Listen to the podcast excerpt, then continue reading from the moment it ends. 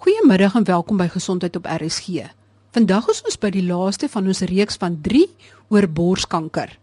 Ek gesels nou verder met professor Justus Afvolstedt van die borskankerkliniek naby die Panorama Medikliniek. En ons gaan in hierdie eerste deel vinnig kyk na borskanker en ander tipe kankers of dit aan die toeneem is en ook oor borskanker en swangerskap. Ons weet nou dat as mens borskanker kry, dat dit kan versprei later na ander weefsel toe dat dit 'n tyd lank kan slaap of dormant kan lê. Maar wat as iemand borskanker gekry het, maar sy het dalk ander soorte kanker gekry wat niks met borskanker te doen gehad het nie, dat dit primêr is. Het dit ook 'n genetiese aard?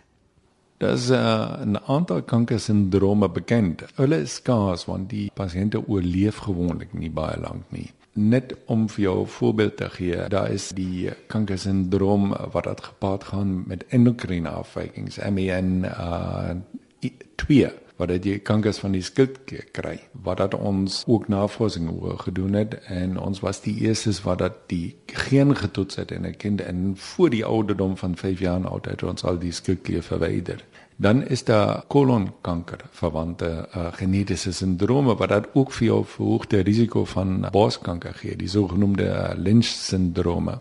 Dan is daar uh, weer eens in die kolon is die familiale polipose van die kolon wat dat ook vir jou ander kankers gee. Jy het Gardner sindroom. Dis 'n baie fascinerende wêreld van genetiese afwykings wat dat vir jou verhoogde risiko van kanker kan gee. Is borskanker aan die toeneem of is dit net die diagnose van borskanker wat toeneem? Want dit voel vir my nou dat elke liewe mens ken iemand wat borskanker het. Borskanker vir my is 'n lewenstyl siekte. En ons sien nou dat die uh, borskanker sê vir die in hierdie land styg baie vinnig. Daar kom nou 'n vloedgolf van borskankers op die ontwikkelende lande af. Hoekom is dit so? Met toenemende ontwikkeling het jy bepaalde veranderinge in die lewenstyl. Soos byvoorbeeld, vrouens het minder kinders. Dit voeg jou borskankerrisiko. Vrouens het kinders later, want hulle maak eers karriere. Hulle het hulle loopbaan wat hulle wil volg. En dit is heeltemal reg so. Dit voeg ook die borskankerrisiko. Maar dit kan jy nie verander nie want jy kan nie meer vir vrouens voorskryf dat jy moet nou op ouderdom 18 moet jy jou kinders kry en jy moet minimum 5 kry. Dit gebeur nie so nie. Wat ons wel as 'n voorkombare oorsaak van borskanker het, is dat die meeste vrouens en ons moet daarbey ook duidelik stel die mans raak oorgewig. En omtrent, ek dink die syfer is nou die helfte van al die uh vrouens bokant ouderdom van 50 is oorgewig. Dit verdubbel omtrent jou borskankerrisiko. En as jy kyk na bevolkingsvlak, dan sien jy dat dit die grootste rede is vir die toename van borskanker. Dus jawel, daar is 'n toename van borskanker en daarmee groot toename van borskanker en dis heeltemal reg. Daar's ook ander effekte.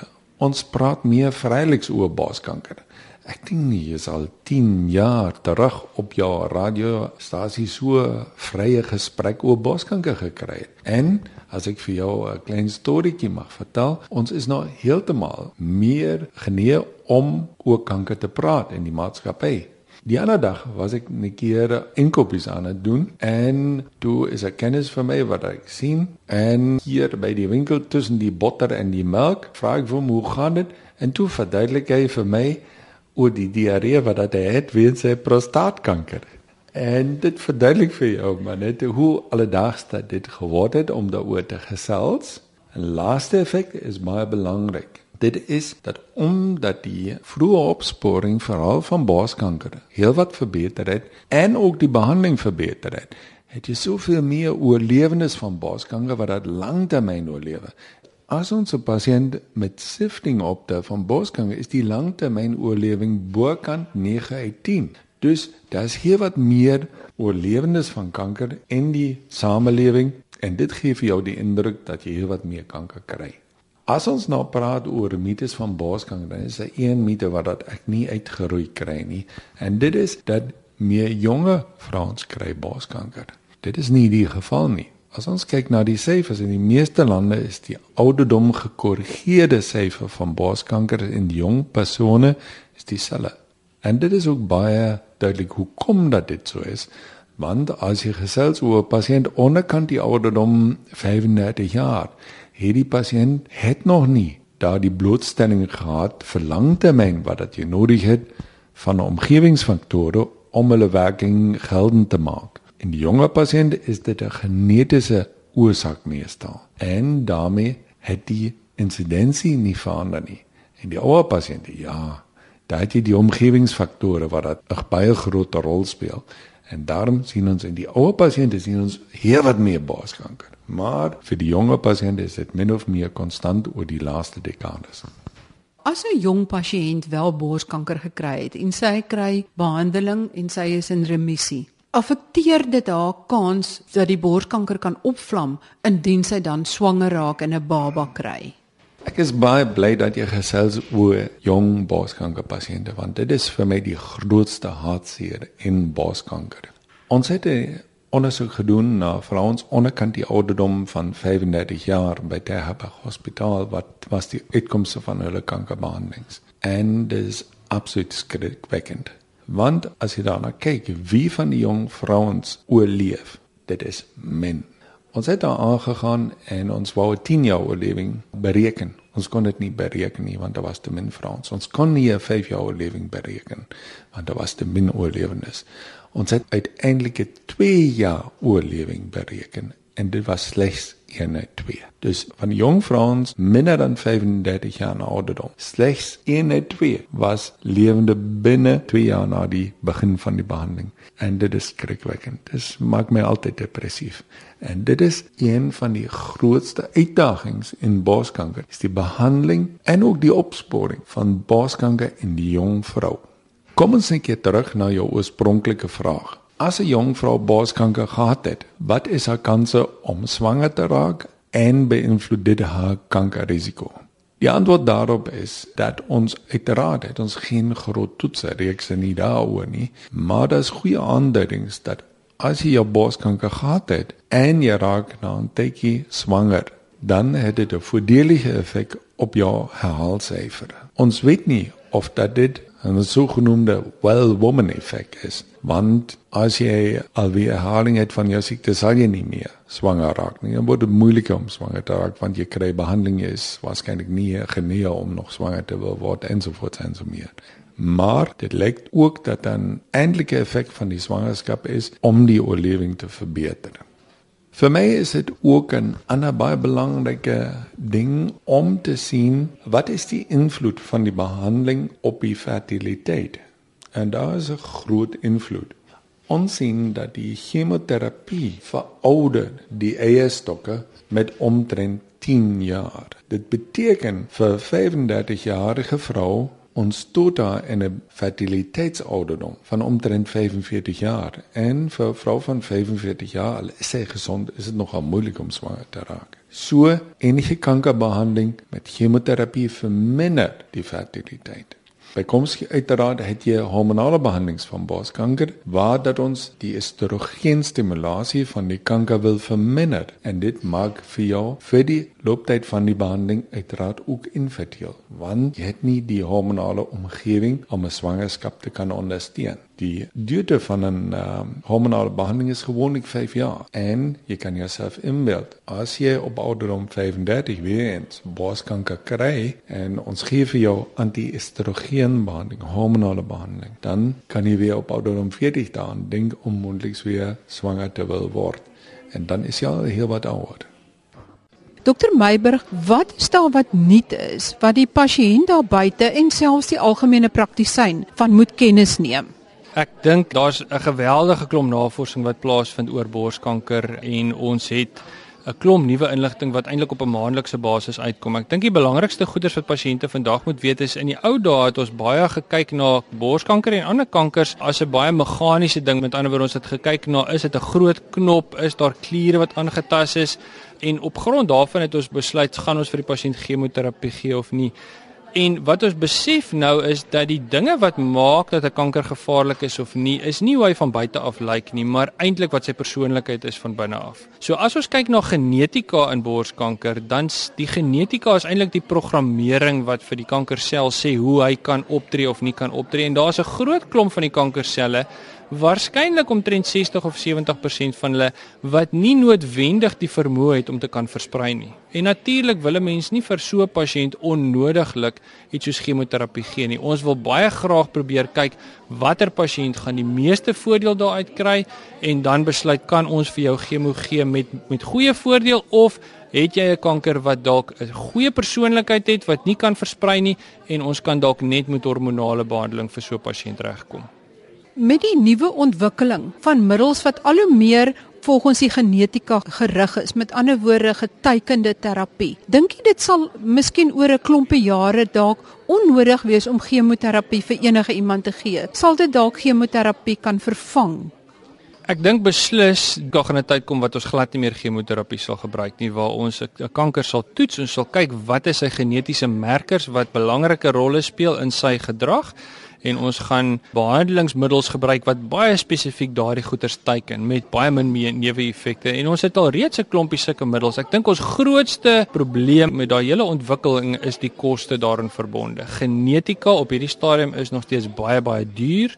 Dit kos maklik R21000 om 'n borskanker te laat ontleed om te kyk hoe sy genetika lyk en dan ook van hierdie nuwe molekuuletjies wat ons wil gebruik van die middels kom van Amerika af teen R100000. Jy weet nou betaal ons amper 'n miljoen rand vir 'n pasiënt se behandeling vir die eerste jaar. So die kostes daarin is massief hoog. So ek dink as ons 'n daling in koste begin sien of metodes begin sien om hierdie goeders makliker te kan maak en te kan identifiseer, dan gaan dit definitief chemoterapie vervang want die middels wat ons reeds nou beskikbaar het, goed soos Herceptin, is baie meer effektief vir pasiënte wat sensitief is daarvoor as wat chemoterapie op sy eie byvoorbeeld sou wees. Maar al is genetiese toetsing duur en al is die middels duur, is die uitkomsyfer beter. Dramaties beter. So as ons 'n klomp pasiënte vat met borskanker deur die bank en ons sou vir hulle almal chemoterapie gee, sal ons hulle kans om dood te gaan van hulle kanker met miskien 15% verminder.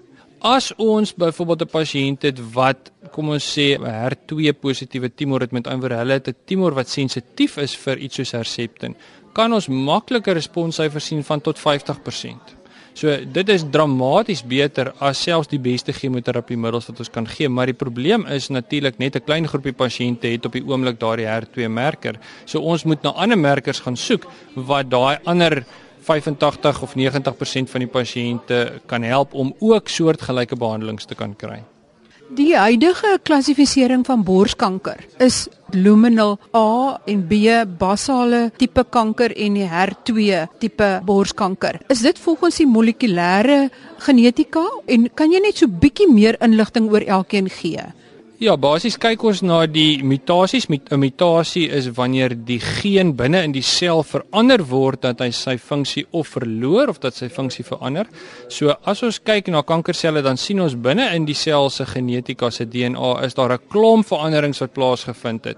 En ons kan sien maar daar's groepe verskillende mutasies wat plaasvind. So in 'n pasiënt sien maar met 'n luminal A tipe tumor, sien ons dat die pasiënt het waarskynlik in die omgewing van 37 of 38 verskillende mutasies, maar dit maak dat die tumor eintlik baie sensitief bly vir estrogen en nie regte vir chemoterapie nie daarteenoor sê maar 'n HER2 tipe tumor sien ons dat daardie pasiënte maklike 120 verskillende mutasies het en dat hulle eintlik glad nie reageer op hormonale behandeling nie en daardie pasiënte reageer goed op dan 'n kombinasie van chemoterapie en Herceptin. So so ja, die die molekulêre subtipe deel eintlik die kanker op nie volgens hoe hy lyk van buite af nie, maar volgens wat sy genetiese profiel dan binnekant is.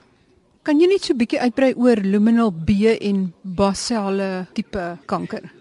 Die luminale tumore is tumore wat estrogen gevoelig is en ons kan daardie pasiënte behandel met anti-estrogen behandeling.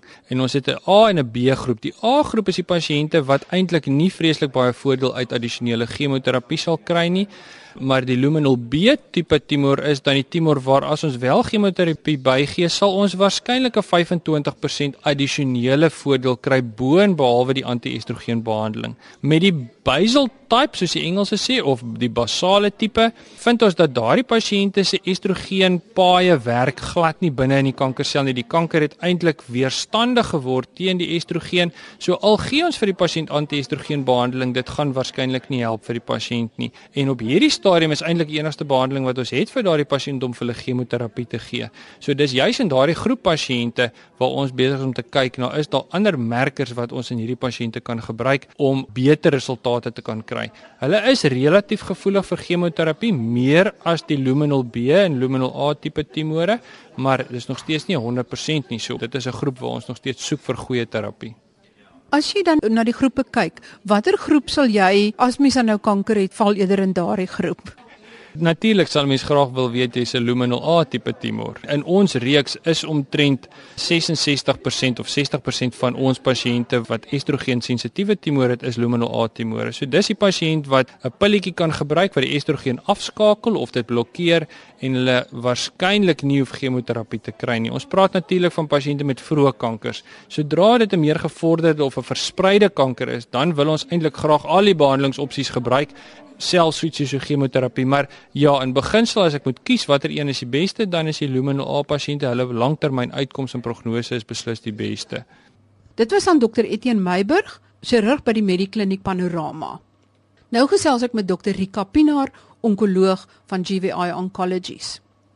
Dokter Pinaar, wat is die belangrikste ding wat jy dink pasiënte moet weet oor borskankerbehandeling? Pasiënte moet 'n idee hê van wat hulle stadium, wat se tipe borskanker hulle het. Borskanker is is 'n hele groep verskillende siektes wat verskillende behandelings benodig. So ek vind baie keer dat hulle vergelyk hulle behandeling met die buurvrou se behandeling en dis 'n totale verkeerde benadering. Maar dis baie kompleks en dis definitief nie one shoe fits all tipe van behandeling nie. Is daar sekere dinge wat jy graag sou wil hê dat die gemiddelde algemene praktisyn ook meer van bewus moet wees in terme van nuwer ontwikkelings in borskanker. Ja, ek dink die rol wat 'n lewenstylveranderinge speel is dikwels heeltemal onder die uh, dekmantel in die waarde byvoorbeeld van om 'n goeie liggaamsgewig te behou, die voorkoming van borskanker deur een uur oefening per dag te doen. Daai faktore, basiese lewenstylveranderinge wat 'n groot impak kan hê, baie keer groter impak as wat uh, chemoterapie kan hê vir pasiënte. So Ons spreek vreeslik vir die pasiënte oor om gewig te verloor, om die gewig op te tel nie, om fisies aktief te bly, om gesonde eetpatrone aan te kweek. En dan sal pasiënte gedurig my vra wat moet hulle eet of wat moet hulle nie eet nie. Vir my is daar wanneer ek na pasiënt kyk, is daar wat aanvullings aanbetref nie 'n goue reël nie. Ek dink dit gaan oor of 'n pasiënt gesond leef of nie en dan kyk ek ook na hulle Vitamiin D en hulle beenmetabolisme want ek dink dis 'n groot impak wat borskankerbehandeling op beendigtheid het en dit word dikwels nie nagekyk um, nadat die behandeling oor is nie. So as huisdokters en algemene praktisyne meer kan betrokke raak by dit, die rol van metformin, diabetesbehandeling, cholesterolbehandeling. Jy weet pasiënte wat 'n hoë cholesterol het, het 'n hoë risiko vir relapse. Al hierdie ander kom ek sê uh, bykomende siektes wat as dit goed beheer word, speel dit 'n rol in borskankerbehandeling. So dit is graag waar ek die hand wil vat met 'n algemene praktisyn en sê kyk na die suikervlak, kyk na die gewig, kyk na die oefening, kyk na die cholesterol, maak seker die Vitamiin D vlakke is reg, die beendigtheid is reg, want dit dit is baie belangrik vir die pasiënte. As daar 'n enkele boodskap is wat jy graag vir pasiënte wil gee wat met borskanker gediagnoseer is, wat sal dit wees? Dit is in die meeste van gevalle is dit 'n geneesbare, behandelbare siekte en vir baie pasiënte raak dit 'n kroniese siekte soos hoë bloeddruk of diabetes. En dit is hoe mense dan kyk. Dit is die behandeling duur jare en ek doen my deel ek dink van die pasiënt se kant af verwag ek daai partnership dat hulle hierdie faktore soos gewigsbeheer aanwerk in hulle oefeningsprogram en dan baie belangrik dat hulle al anti-estrogen behandeling daagliks neem en die voorgeskrewe tydperk voltooi. So kom ons aan aan die einde van hierdie reeks van 3 oor borskanker. Ek hoop dit het baie van julle vrae of dinge waaroor julle gewonder het oor borskanker beantwoord. Kom ek gee vir julle 'n kort opsomming oor die belangrikste punte wat in hierdie reeks van 3 na vore gekom het. Die eerste punt is dat dit baie belangrik is vir elke vrou vir almal bo 50 en vir die met 'n familiegeskiedenis van borskanker selfs al baie vroeër om minstens elke 2 jaar vir 'n mammogram te gaan. As die tussenperiodes langer as 2 jaar is, maak dit nie 'n groot verskil in die opsporing en oorlewingssyfer nie. Maar as die tydperk tussenin 2 jaar of korter is, maak dit 'n baie groot verskil aan opsporing en oorlewingssyfers. Die tweede punt is dat daar vier verskillende soorte borskanker is, soos dokter Etienne Meiburg nou-nou net gesê het en dit het nie so seer gaan oor hoe groot die knop is nie, maar die soort borskanker. En die vier soorte is luminal A, luminal B, basale tipe wat ook genoem word triple negatief en HER2. Die derde punt is Die behandeling is al meer geteken op die genetiese of die molekulêre aard van die borskanker. Met ander woorde, dit kan vir jou baie baat indien die spesialis genetiese toetse aanbeveel om te bepaal watter soort kanker dit is. Die vierde punt is daar word al hoe meer rekonstruksie gedoen dieselfde tyd as wanneer die mastektomie gedoen word. En wat baie belangrik hierso is dat dit nou moontlik is om die vel, tepel en areola te behou en so word daar baie goeie estetiese resultaat gekry. Die vyfde punt is dit is baie belangrik om die beste borskanker spesialiste gaan opsoek en nie net die eerste een by wie jy uitkom nie. Maak tyd want dit neem gewoonlik omtrent 4 jaar vir 'n knop om te ontwikkel totdat jy hom kan voel. Dis gaan 'n paar dae of 'n week nie 'n verskil maak nie, maar in baie jong pasiënte met borskanker wil mens ook nie te veel tyd verloor nie en wil jy binne 2 na 4 weke begin met die behandeling. Ek hoop dit het nuwe lig gewerp vir julle op alles oor borskanker. As julle enige vrae het, stuur dit gerus aan my by gesond@rsg.co.za en ek stuur dit aan professor Affelstedt om te beantwoord in 'n program wat ons in die toekoms weer sal opneem. Volgende week gesels ek met dokter Jode Beer oor skouerprobleme in ouer mense en wat daar gedoen kan word, skouervervangings, inspuitings in die skouers ensovoorts. Tot volgende week dan, van ons gesels oor skouers.